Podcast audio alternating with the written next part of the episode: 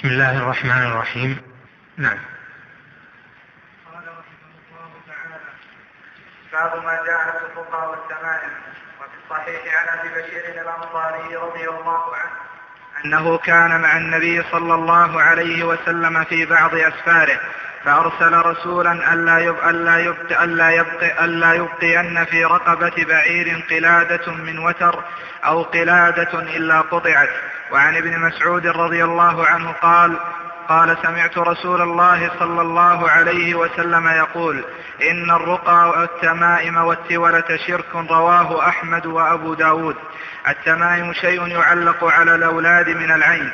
لكن إذا كان المعلق من القرآن فرخص فيه بعض السلف وبعضهم لم يرخص فيه ويجعله من ويجعله من ويجعله من المنهي عنه. منهم ابن مسعود رضي الله عنه. والرقى وهي التي تسمى العزائم. وخص منها الدليل ما خلا وخص منها الدليل ما خلا من الشرك. فقد رخص فيه رسول الله صلى الله عليه وسلم من العين والحمى. والتولة شيء يصنعونه يزعمون أنه يحبب المرأة إلى زوجها والرجل إلى امرأته. وعن عبد الله بن عكيم مرفوعا إن من تعلق شيئا وكل إليه رواه أحمد والترمذي. وروى أحمد عن رويفع قال قال لي رسول الله صلى الله عليه وسلم يا رويفع لعل الحياة ستطول بك فأخبر الناس أن من عقد لحيته لعل الحياة ستط... لعل الحياة تطول تطول. لعل الحياة تطول بك فأخبر الناس أن من عقد لحيته أو تقلد وترا أو استنجى برديع دابة أو عظم فإن محمدا بريء منه. وعن سعيد بن جبير قال من قطع تميمة من إنسان كان كعدل رقبة. رواه و... كان كعدل كان كعدل رقبة. رواه وكيع. وله عن إبراهيم قال كانوا يكرهون التمائم كلها من القرآن ومن غير القرآن. باب ما جاء في الرقى والتمائم. تلحظ أن الباب الأول قال فيه الإمام رحمه الله باب من الشرك لبس الحلقة والخيط. وهنا قال باب ما جاء في الرقى والتمائم. ولم يقل باب باب من الشرك الرقى والتمائم ذلك لأن الرقى منها ما هو جائز مشروع ومنها ما هو شرك. والتمائم منها ما هو متفق عليه أنه شرك ومنها ما قد اختلف الصحابة فيه هل هو من الشرك أم لا. لهذا عبر رحمه الله بقوله باب ما جاء في الرقى والتمائم وهذا من أدب التصنيف العالي. الرقى جمع رقية والرقية معروفة قد كانت العرب تستعملها وحقيقتها أنها أدعية وألفاظ تقال أو تتلى ثم ينفث بها. ومنها ما له أثر عضوي في البدن ومنها ما له أثر على الأرواح. ومنها ما هو جائز مشروع ومنها ما هو شرك.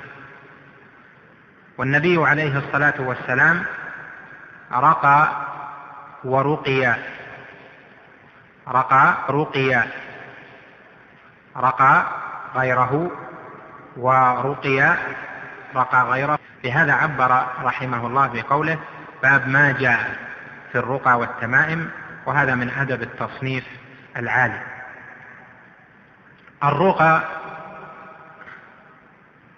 جمع رقية والرقية معروفة قد كانت العرب تستعملها وحقيقتها أنها أدعية وألفاظ تقال أو تتلى ثم ينفث بها.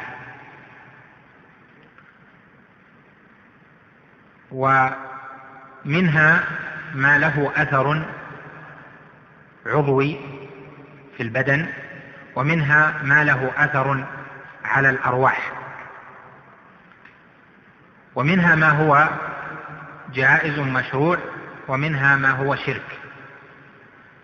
والنبي عليه الصلاة والسلام رقى ورقي رقى غيره ورقي رقى غيره ورقى نفسه عليه الصلاة والسلام ورقي أيضا رقاه جبريل ورقته عائشة ونحو ذلك. نحو ذلك. فهذا الباب معقود لبيان حكم الرقى. قال باب ما جاء في الرقى والتمائم.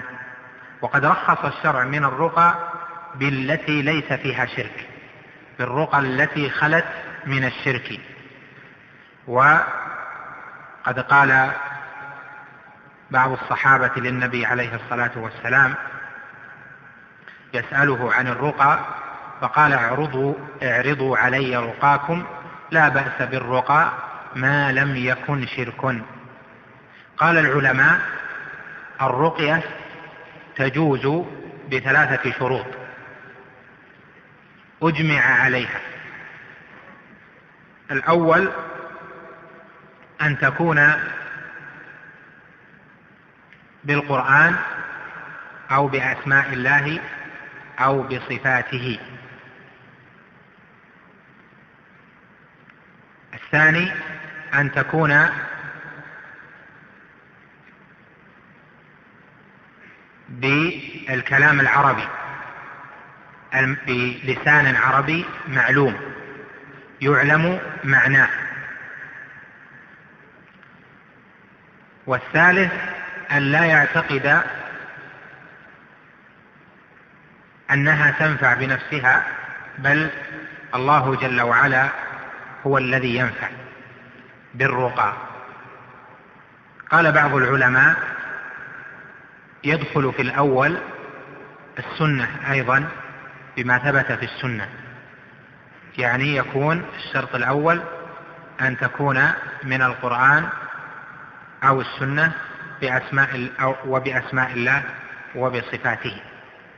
هذه شروط ثلاثة لكون الرقى جائزة بالإجماع. إذا لم تكن من الأول أو الثاني يعني إذا تخلف الأول أو تخلف الثاني ففيها خلاف بين أهل العلم والثالث لا بد منه شرط متفق عليه من أن الرقى لا بد لمن تعاطاها أن لا يعتقد فيها.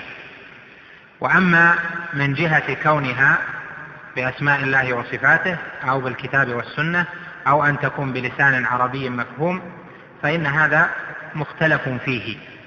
وقال بعضهم يسوء أن تكون الرقية بما يعلم معناه ويصح المعنى بلغة أخرى. لا يشترط أن تكون بالعربية ولا يشترط أن تكون من القرآن أو السنة. وهذه مسائل فيها خلاف وبحث ومن جهة تأثير أيضا غير القرآن على الراقي على المرقي وفي هذا مسائل. نرجع تفصيل ذلك إلى موضع آخر إن شاء الله. المقصود أن الرقى الجائزة هي بالإجماع هي ما اجتمعت فيه ثلاثة شروط. وأما الرقى الشركية فهي التي فيها استعاذة أو استغاثة بغير الله أو كان فيها شيء من أسماء الشياطين أو اعتقد المرقي فيها بأنها تؤثر بنفسها. فهذا يكون تكون الرقية غير جائزة ومن الرقى الشركية. قد قال عليه الصلاة والسلام إن الرقى والتمائم والتولة شرك كما سيأتي.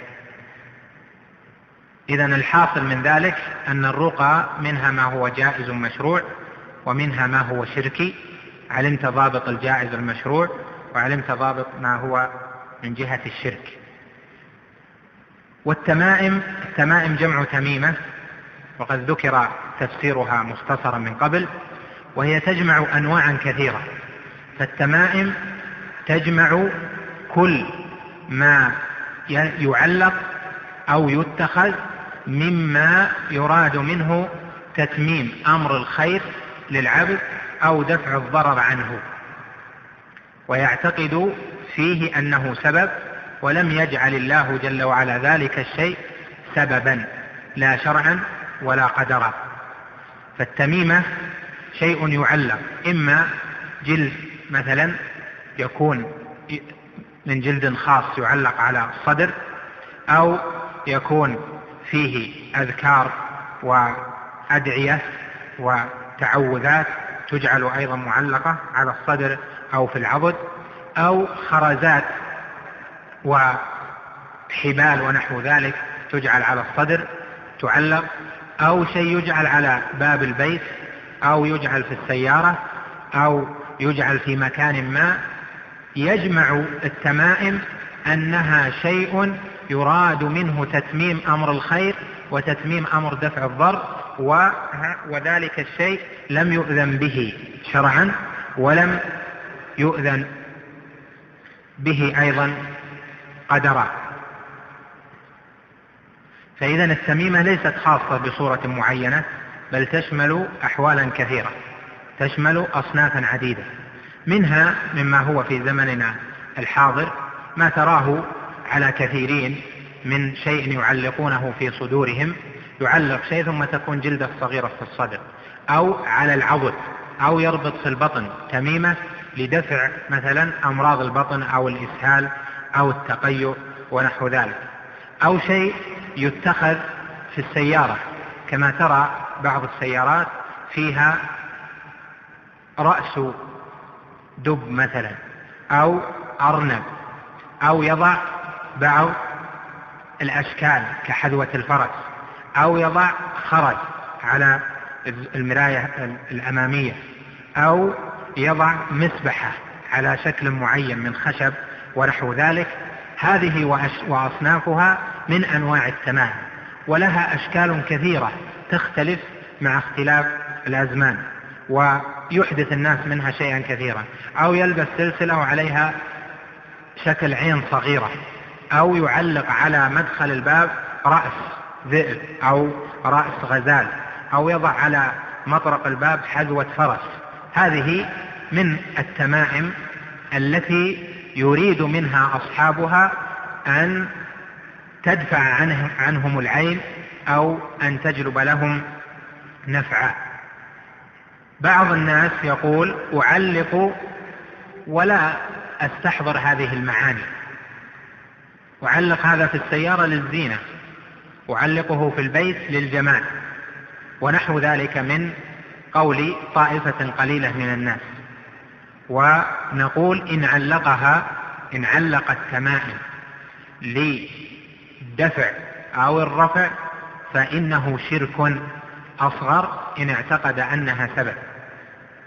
وإن علقها للزينة فهو محرم لأجل مشابهته من يشرك الشرك الأصغر.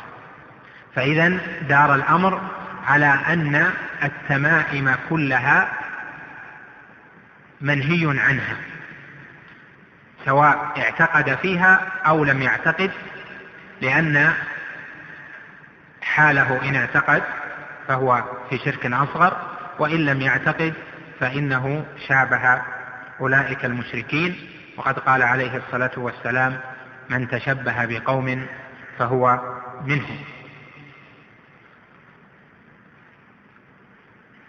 قال رحمه الله تعالى في الصحيح عن أبي بشير الأنصاري رضي الله عنه أنه كان مع رسول الله صلى الله عليه وسلم في بعض أسفاره فأرسل رسولا ألا يبقين في رقبة بعير قلادة من وتر أو قلادة إلا قطعت. هذا الحديث وجه الاستدلال منه على أن تعليق القلادة من الوتر على البعير مأمور بقطعه. والأمر بقطعه لأجل أن العرب تعتقد أنها تدفع العين عن الأبعرة. تدفع العين عن النعم.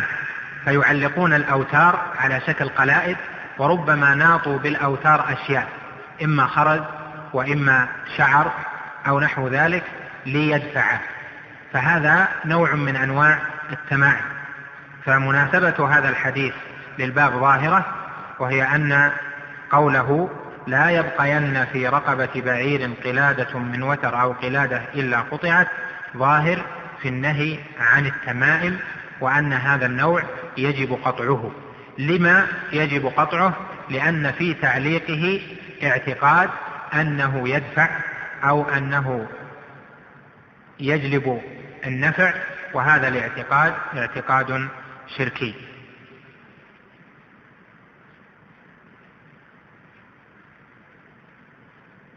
قال وعن ابن مسعود رضي الله عنه سمعت قال سمعت رسول الله صلى الله عليه وسلم يقول إن الرقى والتمائم والتولة شرك. هذا الحديث فيه التأكيد. قال إن الرقى والتمائم والتولة شرك.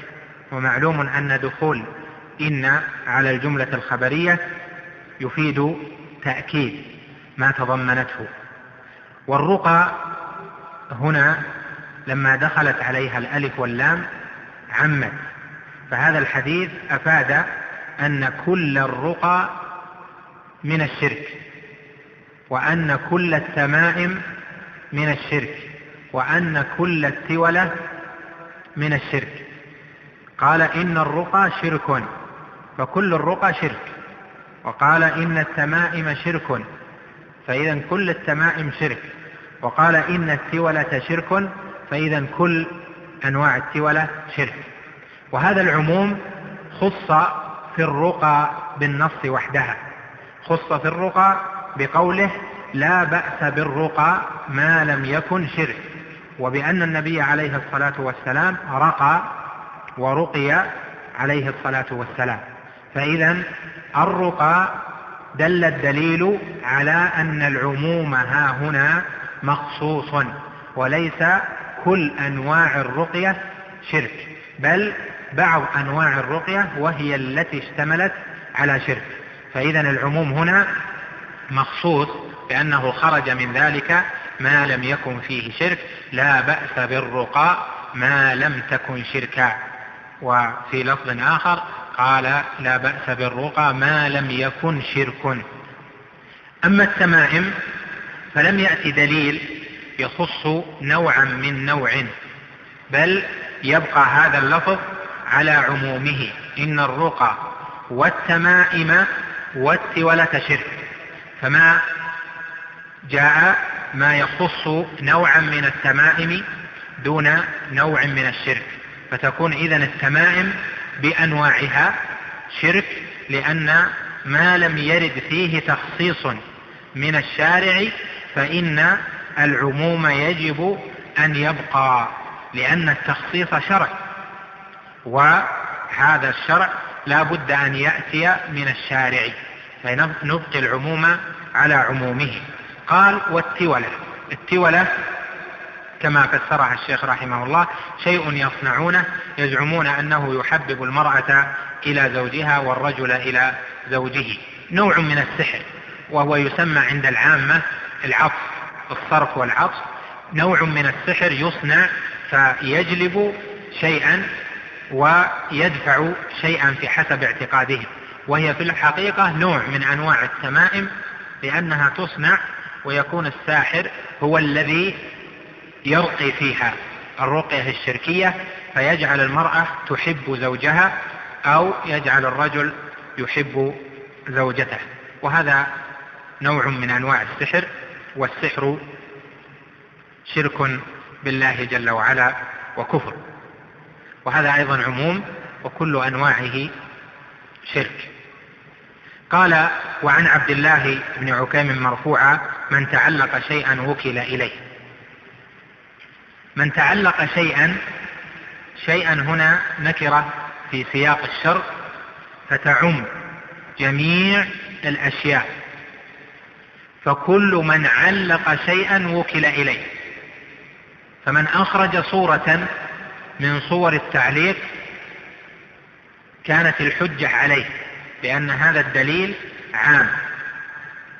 فهذا الدليل فيه أن من تعلق أي شيء من الأشياء فإنه يوكل إليه. والعبد إذا وكل إلى غير الله جل وعلا فإن الخسارة أحاطت به من جنباته والعبد إنما يكون عزه ويكون فلاحه ونجاحه وحسن قصده وحسن عمله أن يكون متعلقا بالله وحده يتعلق بالله وحده في أعماله في أقواله في مستقبله في دفع المضار عنه. قلبه يكون أنسه بالله يكون قلبه أنسه بالله وسروره بالله وتعلقه بالله وتفويض أمره إلى الله وتوكله على الله جل وعلا. فمن كان كذلك وتوكل على الله وطرد الخلق من قلبه فإنه لو كادته السماوات والأرض لجعل الله جل وعلا له من بينها مخرجا لأنه توكل وفوض أمره على العظيم جل جلاله وتقدست أسماؤه. فقال هنا من تعلق شيئا وكل إليه فإذا تعلق العبد تميمة وكل إليها. وما ظنك بمن وكل إلى خرقة أو إلى خرز أو إلى حذوة حصان أو إلى شكل حيوان ونحو ذلك. لا شك أن خسارته أعظم الخسارة. قال هنا من تعلق شيئا. وجه الاستدلال كما ذكرت لك من أنه ذكر نتيجة التعلق وهو أنه يوكل إلى ذلك الشيء. فمن تعلق شيئا وكل إليه وإذا وكل إليه فمعنى ذلك أنه خسر في ذلك. الشيخ رحمه الله كما ذكرت لك ما صدر الباب بحكم فيكون إذا الاستدلال بهذه على ما دلت عليه الأحاديث. قال التمائم شيء يعلق على الأولاد يتقون به العين. شيء ليشمل أي شيء يعلق دون صفة معينة. بعض العلماء قال التمائم خرج بعضهم قال جلدة ونحو ذلك وهذا ليس بجيد بل التمائم اسم يعم كل ما يعلق لدفع العين لاتقاء الضرر أو لجلب خير نفسي. قال لكن إذا كان المعلق من القرآن فرخص فيه بعض السلف. إذا كان المعلق من القرآن بمعنى أنه جعل في منزله مصحفا ليدفع العين أو علق على صدره شيئا سورة الإخلاص أو آية الكرسي ليدفع العين أو ليدفع الضرر عنه. هذا من حيث التعليق تميمة فهل هذه التميمة جائزة أم غير جائزة؟ قال الشيخ رحمه الله إن التمائم إذا كانت من القرآن فقد اختلف فيها السلف. فقال بعضهم بجوازها رخص فيها بعض السلف ويعني ببعض السلف بعض كبار الصحابة ومال إليه بعض أهل العلم الكبار وبعضهم لم يرخص فيها كابن مسعود رضي الله عنه وكأصحاب ابن مسعود الكبار إبراهيم وعلقمة وعبيدة والربيع بن خثيم والأسود وأصحاب ابن مسعود جميعا. فالسلف اختلفوا في ذلك ومن المعلوم أن القاعدة أن السلف من الصحابة فمن بعدهم إذا اختلفوا في مسألة وجب الرجوع فيها إلى الدليل. والدليل دل على أن كل أنواع التمائم منهي عنها. من تعلق شيئا وكل إليه. إن التمائم شرك. إن الرقى والتمائم والتولى الشرك فمن تعلق القرآن من علقه كان داخلا في المنهي عنه. لكن لما كان معلقا للقرآن فإنه لم يشرك لأنه علق شيئا من صفات الله جل وعلا وهو كلام الله جل وعلا. فما أشرك مخلوقا لأن الشرك معناه أن تشرك مخلوقا مع الله جل وعلا. والقرآن ليس بمخلوق بل هو كلام الباري جل وعلا منه بدأ وإليه يعود. فإذا صار تعليق التميمة من القرآن خرجت لأجل كون القرآن ليس بمخلوق من العموم وهو قوله إن التمائم شرك فبقي هل هي منهي عنها أم غير منهي عنها؟ قال عليه الصلاة والسلام من تعلق شيئا وكل إليه ونهي عن التمائم بأنواعها. فدل ذلك على أن تخصيص القرآن بالإذن من بين التمائم ومن بين ما يعلق يحتاج إلى دليل فيه لأن إبقاء العموم على عمومه هذا إبقاء لدلالة ما أراد الشارع الدلالة عليه من الألفاظ اللغوية والتخصيص نوع من أنواع التشريع لا بد فيه من دليل واضح. لهذا صارت الحجة مع من يجعل التمائم التي من القرآن مما لا يرخص فيه كابن مسعود وكغيره من الصحابة رضوان الله عليهم وكذلك هو قول عامة أهل العلم وهو رواية من عن الإمام أحمد اختارها المحققون من أصحابه وعليها المذهب عند المتأخرين. بقي أن نقول إن في إجازة اتخاذ اتخاذ التمائم من القرآن إن في تجويزها مفاسد. وفي تجويز اتخاذ التمائم من القرآن أنواع من المنكر. الأول أنه إذا اتخذت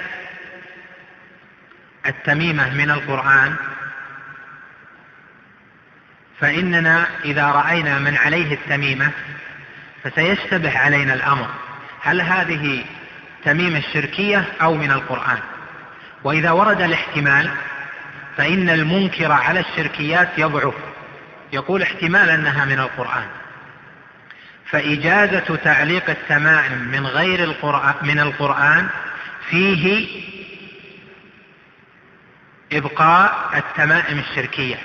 لأن حقيقة التميمة التي تعلق أنها تكون مخفية غالبا في جلد أو في نوع من القماش ونحو ذلك.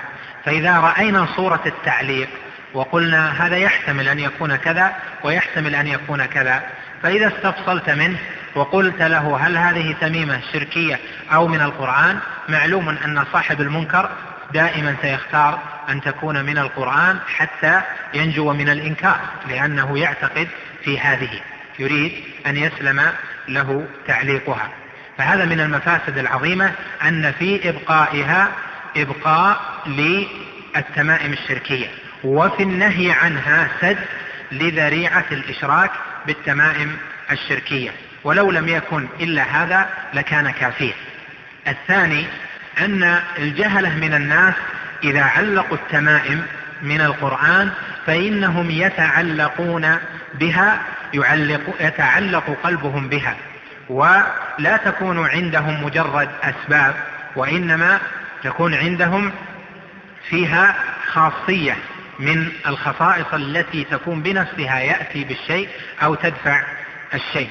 وهذا لا شك فتح لباب اعتقادات فاسدة على الناس يجب أيضا وصده ومن المعلوم أن الشريعة جاءت بسد الذرائع. أيضا من المفاسد المتحققة عامة في ذلك أنه إذا علق شيئا من القرآن فإنه يمتهنه ينام عليه أو يدخل به مواضع قذرة أو يكون معه في حالات لا يكون من الحسن أن يكون معه قرآن فيها أو آيات وهذا مما ينبغي اجتنابه وتركه إذا فتحصل أن تعليق التمائم جميعا بالدليل وبالتعليل لا يجوز فما كان منها من القرآن فنقول يحرم على الصحيح ولا يجوز ويجب إنكاره وما كان منها من غير القرآن تعلق تمائم عامة فهذا نقول إنه من الشرك بالله لقول النبي صلى الله عليه وسلم إن الرقى والتمائم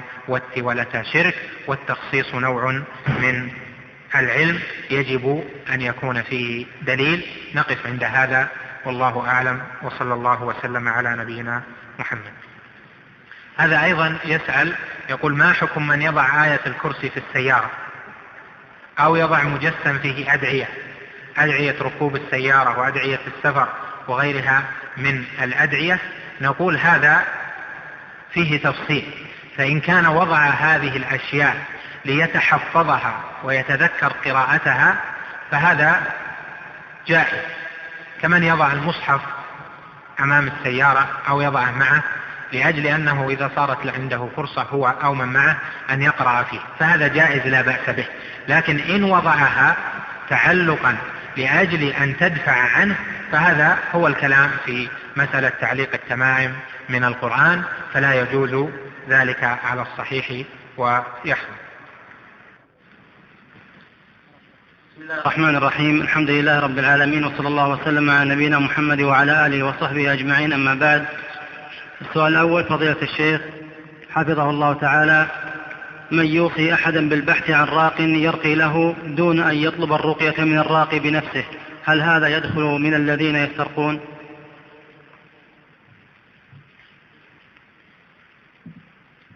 بسم الله الرحمن الرحيم. الحمد لله والصلاة والسلام على رسول الله وعلى آله وصحبه ومن اهتدى بهداه.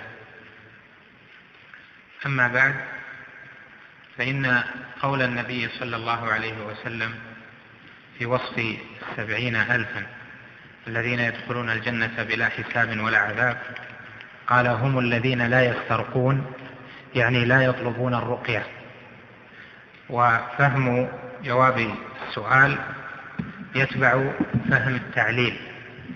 ذلك أن أولئك كانوا لا يسترقون يعني لا يطلبون الرقية لأجل ما قام في قلوبهم من الاستغناء بالله. وعدم الحاجة إلى الخلق ولم تتعلق قلوبهم بالخلق في هذا الأمر الذي سيرفع ما بهم. وكما ذكرت لك أن مدار العلة على تعلق القلب بالراقي في رفع أو بالرقية في رفع ما بالمرء من أذى أو في دفع ما قد يتوقع من السوء وعليه فيكون الحال سواء فيكون الحالان سواء يعني إن كان طلب بنفسه أو طلب بغيره فإنه طالب والقلب متعلق بمن طلب منه الرقية إما بالأصالة أو بواسطة. نعم. وهذا يقول يقول أهلي اذبح الذبيحة ووزعها على المساكين دفعة بلاء فهل تجوز تلك النية؟ هذا فيه تفصيل. ذلك أن ذبح الذبائح إذا كان من جهة الصدقة ولم يكن لدفع شيء متوقع أو لرفع شيء حاصل ولكن من جهة الصدقة وإطعام الفقراء فهذا لا بأس به. داخل في عموم الأدلة التي فيها الحظ على الإطعام وفضيلة إطعام المساكين. وأما إن كان الذبح لأن بالبيت مريضا فيذبح لأجل أن يرتفع ما بالمريض من أذى فهذا لا يجوز ويحرم. قال العلماء سدا للذريعة. ذلك لأن كثيرين يذبحون حين يكون بهم مرض لظنهم أن المرض كان بسبب الجن أو كان بسبب مؤذن من المؤذين. إذا ذبح الذبيحة وأراق الدم فإنه يندفع شره أو يرتفع ما, حد ما أحدث. وهذا لا شك أنه اعتقاد محرم ولا يجوز والذبيحة لرفع المرض والصدقة بها عن المريض قال العلماء هي حرام ولا تجوز سدا للذريعة. وللشيخ العلامة سعد بن حمد بن عتيق رسالة خاصة في الذبح للمريض. كذلك إذا كان الذبح لدفع أذى متوقع مثلا كان بالبلد داء معين فذبح لدفع هذا الداء أو كان في الجهات التي حول البيت ثم شيء يؤذي فيذبح ليندفع ذلك المؤذي. إما لص مثلا يتسلط على البيوت أو أذى يأتي للبيوت فيذبح ويتصدق بها لأجل أن يندفع ذلك الأذى. هذا أيضا غير جائز ومنهي عنه سدا للذريعة لأن من الناس من يذبح لدفع أذى الجن وهو شرك بالله جل وعلا. فإذا تحصل من ذلك أن قول النبي صلى الله عليه وسلم داووا مرضاكم بالصدقة فيما رواه أبو داود وغيره وقد حسنه بعض أهل العلم وضعفه آخرون أن معنى داووا مرضاكم بالصدقة يعني بغير إراقة الدم. فيكون إراقة الدم مخصوص من ذلك من المداواة بالصدقة لأجل ما فيه من وسيلة إلى الاعتقادات الباطلة. ومعلوم أن الشريعة جاءت بسد الذرائع جميعا إلا يعني الذرائع الموصلة إلى الشرك وجاءت أيضا بفتح الذرائع الموصلة للخير. فما كان من ذريعة يوصل إلى الشرك والاعتقاد الباطل فإنه ينهى عنه. نعم. وهذا يقول ما رأي فضيلتكم ببعض الأواني التي يكتب, يكتب عليها بعض الآيات والتي تباع في بعض المحلات التجارية هذه الأواني يختلف حالها إن كان يستخدمها لأجل أن يتبرك بما كتب فيها من الآيات فيجعل فيها ماء ويشربه لأجل أن الماء يلابس هذه الآيات فهذا من الرقية غير المشروعة لأن الرقية المشروعة ما كانت الآيات في الماء وهذه الآيات لم تنحل في الماء لأنها من معدن أو من نحاس والتصاق الماء بتلك الكتابات آيات أو أدعية لا يجعل الماء بذلك مباركا أو مقروءا فيه. فإذا اتخذت لذلك فهذا من الرقية غير المشروعة. وأما إذا أخذها للزينة أو لجعلها في البيت أو لتعليقها فهذا كرهه كثير من أهل العلم لأن القرآن ما نزل لتزين به الأواني أو تزين به الحيطان وإنما نزل للهداية إن هذا القرآن يهدي للتي هي أقوى. نعم. وهذا يقول بعض الناس يضع المصحف في درج السيارة وذلك بقصد أن المصحف أثر في رد العين أو البلاء نرجو منكم التوضيح. إذا كان يقصد من وضع المصحف في درج السيارة أو على طبلون السيارة الأمامي أو خلف السيارة أن يدفع عنه وجود المصحف العين فهذا من اتخاذ المصحف تميمة وقد مر معكم بالأمس حكم التمائم من القرآن وأن الصحيح أنه لا يجوز أن يجعل القرآن تميمة ولا أن يجعل القرآن بوجوده يعني المصحف دافعا للعين. لكن الذي يدفع العين قراءة القرآن والأدعية المشروعة والاستعاذة بالله جل وعلا ونحو ذلك مما جاء في الرقية. فتحصل أن وضع القرآن لهذه الغاية داخل في المنهي عنه وهو من اتخاذ التمائم من القرآن. لما كان القرآن غير مخلوق وهو كلام الله جل وعلا لم تصر هذه التميمة شركية وإنما ينهى عنها لأن النبي صلى الله عليه وسلم لم يستعمل هذا ولم يجعل في عنق أحد من الصحابة لا الصغار ولا الكبار ولا أذن ولا وجه بأن يجعل القرآن في شيء من صدورهم أو في عضد أحدهم أو في بطنه. ومعلوم أن مثل هذا لو كان دواء مشروعا أو رقية سائغة أو تميمة مأذونا بها لرخص فيها سيما مع شدة حاجة الصحابة إلى ذلك. وتعليق القرآن أيسر من البحث عن راق يرقي ويطلب منه وربما يكافأ على رقيته فلما كان هذا أيسر والنبي صلى الله عليه وسلم لم يرشدهم إلى الأيسر وقد بعث ميسرا علم مع ضميمة الأدلة التي ذكرت لكم بالأمس أن هذا من جنس غير المشروع. والله أعلم. وهذا يقول قوله وعامرهن غيري. قد يستدل به أهل البدع على أن الله في كل مكان. نرجو التوضيح. بارك الله فيكم. في قوله جل وعلا في الحديث القدسي يا موسى لو أن السماوات السبع وعامرهن غير. السماوات السبع معروفة طباق بعضها فوق بعض وعامرهن هي من العمارة المعنوية يعني من عمرها بالتسبيح والتهليل وذكر الله وعبادته.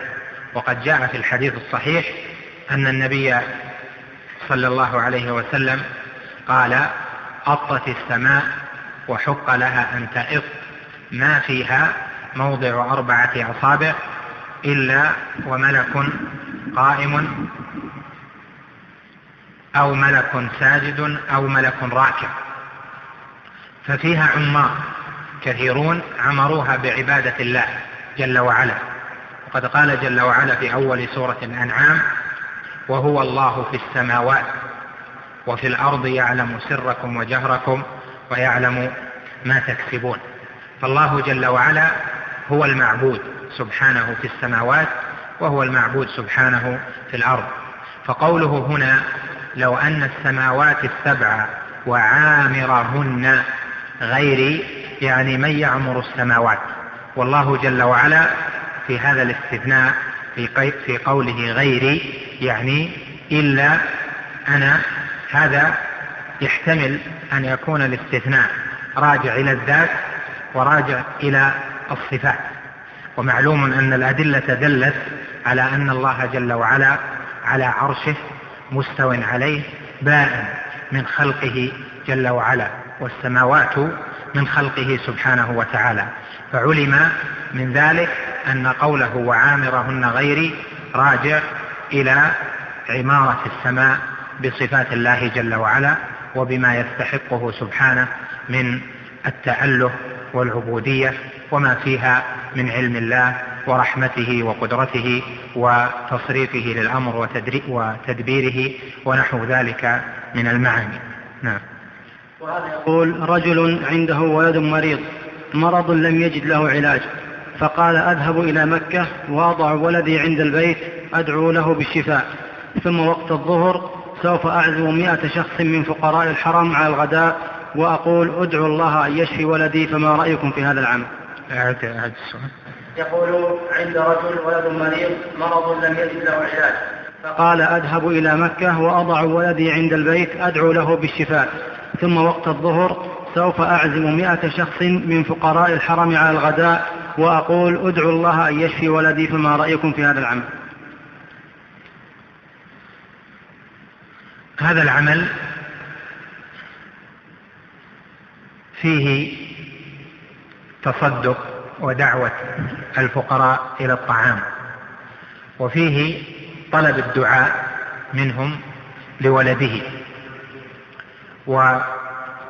والتصدق بالطعام هذا من جنس المشروع كما ذكرت لكم. فإن كان فيه من الذبائح فعلى التفصيل الذي مر من قبل سواء كانت دجاجا أو كان آه، ضأنا أو غير ذلك مما يذبح يعني مما فيه إراقة الدم. وإن كان أطعمهم طعاما لإشباعهم والتصدق عليهم هذا هو القصد. وطلب منهم الدعاء وهي المسألة الثانية.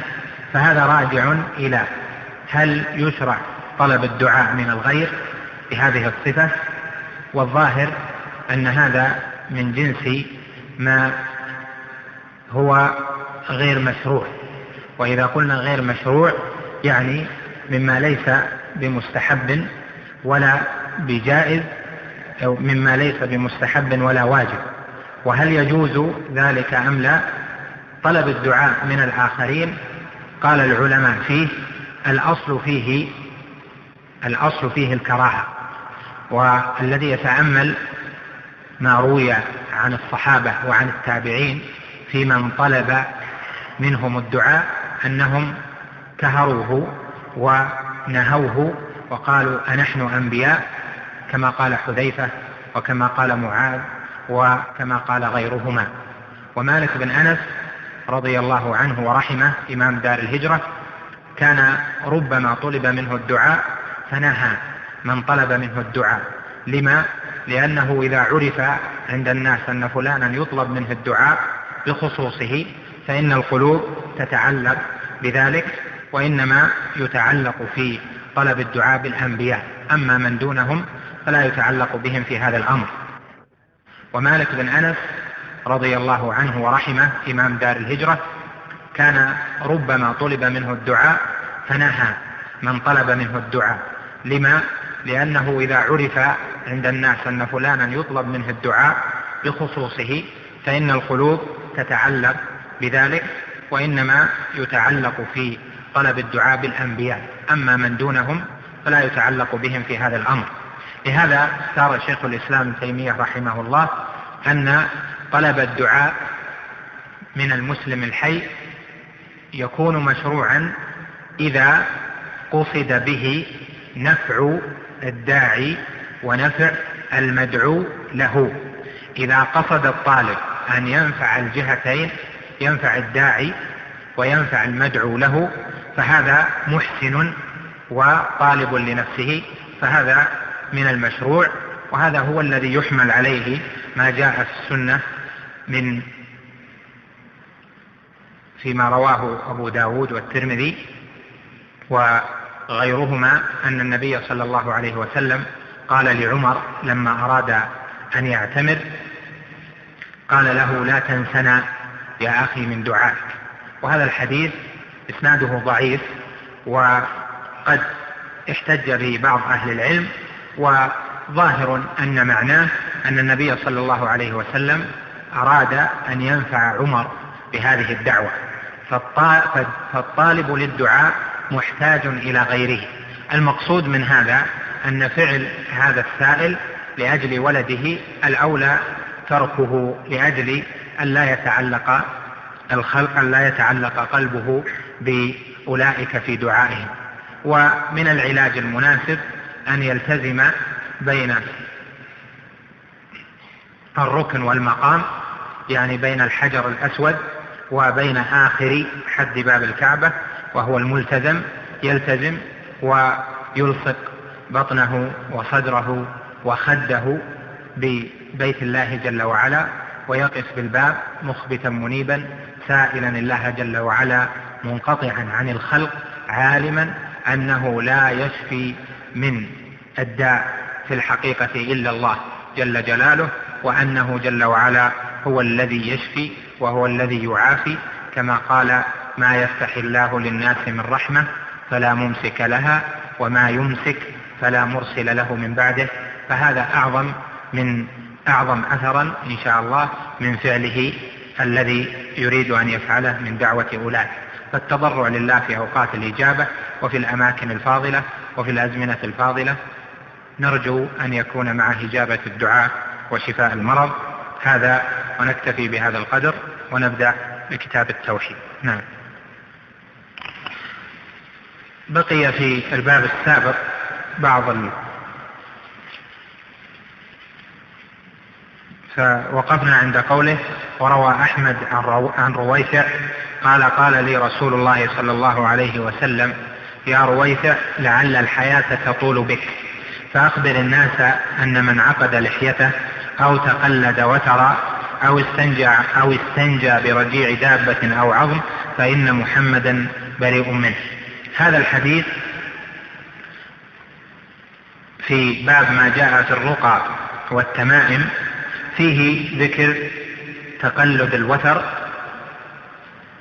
وأن محمدا عليه الصلاة والسلام بريء ممن تقلد وتراه.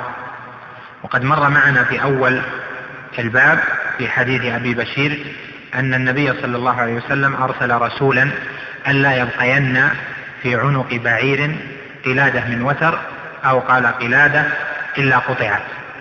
وهذا في معناه. وقوله تقلد وتر تقييد التقليد بالوتر هذا له مفهوم وهو أن النهي ليس راجعا إلى القلادة من حيث هي بل إلى القلادة التي يعتقد فيها أنها تدفع العين. وخص الوتر منها هنا لأنه كان أهل الجاهلية يقلدون الأوتار وينوطون بها بعض الخرق أو بعض الشعر أو بعض العظام لكي تدفع العين عن الأبعرة. وأما مجرد التقليد فإن النبي صلى الله عليه وسلم أشعر هديه وأيضا فتلت له القلائد وعلق القلائد لبيان أن ما أرسله إلى مكة هدي. فالتقليد هنا خص بالوتر فيقال القلادة التي تجعل على الحيوان أو على غيره إذا كانت مما يعتقد فيها أو يختص بها أهل الاعتقادات فإنه ينهى عنها. ولهذا قيدها في حديث أبي بشير الأول قال لا يبقين في رقبة بعير قلادة من وتر. ومنها هنا بيانية وكذلك هنا قال أو تقلد وترى. وهذا واضح المعنى من أنه جعل الوتر الذي قلد تميمة. وقوله في ذلك فإن محمدا بريء منه هذا من الألفاظ التي تدل على أن الفعل من الكبائر. لأن من الأدلة على أن فعلا ما من الكبائر أو عملا ما أو قولا ما من الكبائر أن يقال فيه الله ورسوله منه بريئان أو يتبرأ النبي صلى الله عليه وسلم منه. لأن ذلك يدل على عظم المعصية. والشرك الأصغر من الكبائر كما أن الشرك الأكبر من الكبائر. والكبائر العملية التي ليس معها اعتقاد يعني كبائر من جهة العمل كالزنا والسرقة وشرب الخمر التي ليس معها اعتقاد هذه من حيث الجنس أقل مرتبة من حيث الجنس المحرم والكبيرة. أقل مرتبة من الشرك الأصغر فضلا عن الشرك الأكبر.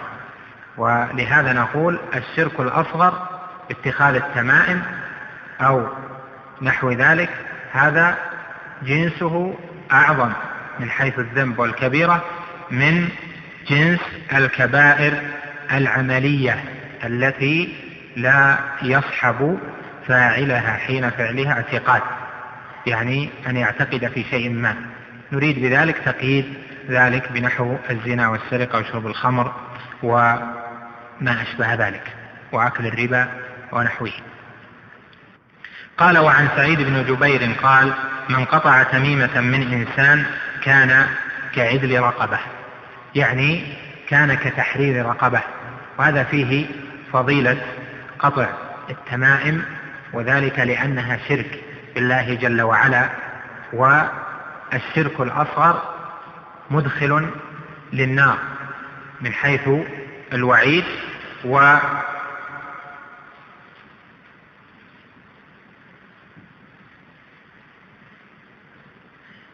التوعد عليه بالنار جاء في نحو قوله جل وعلا إن الله لا يغفر أن يشرك به ونحو قوله من مات وهو يدعو من دون الله ندا دخل النار وفي نحو قوله من مات وهو يشرك بالله شيئا دخل النار وإذا قطع التميمة من عنقه فهو في مقام اعتاق رقبة ذاك الذي قطعت منه التميمة من النار لأنه استوجب بذلك الفعل الوعيد بالنار فإذا قطع التميمة فكان جزاؤه من جنس فعله فكما أنه أعتق رقبة هذا المسلم من النار فأثيب بأن له مثل اعتاق رقبة. وهذا القول من سعيد بن جبير محمول على أنه مما سمعه من الصحابة رضوان الله عليهم لأن هذا مما لا يقال بالرأي. وإذا كان كذلك فله حكم المرسل فيكون هذا مرسلا. لأنه إذا كان مما لا يقال بالرأي لأن فيه فضيلة خاصة جعلها سعيد بن جبير لمن قطع تميمة من رقبة إنسان فيكون ذلك من قبيل المرسل. يعني من قبيل المرفوع وسعيد بن جبير تابعي من أصحاب ابن عباس فيكون مرسلا.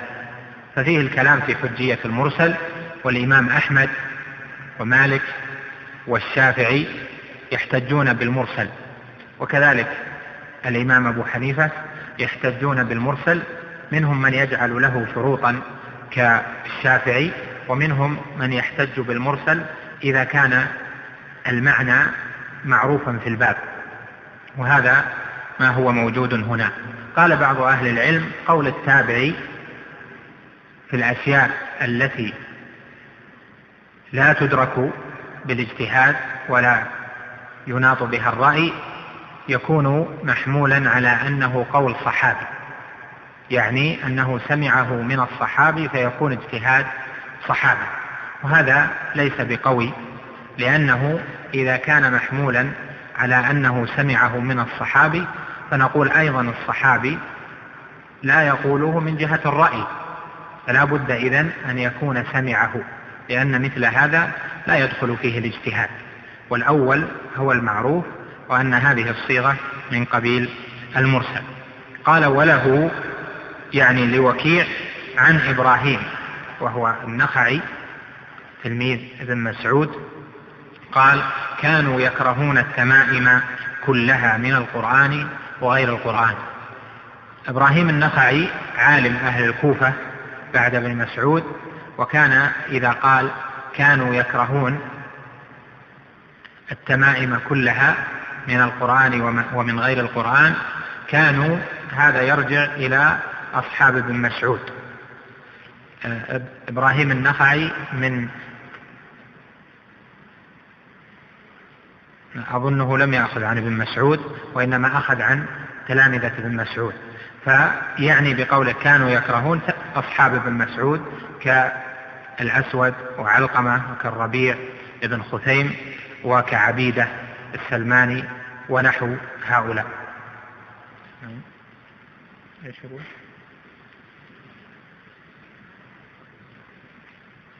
نعم إذا أحضرني الأخ في بعض الشروح أنه قال من أصحاب ابن مسعود. نعم.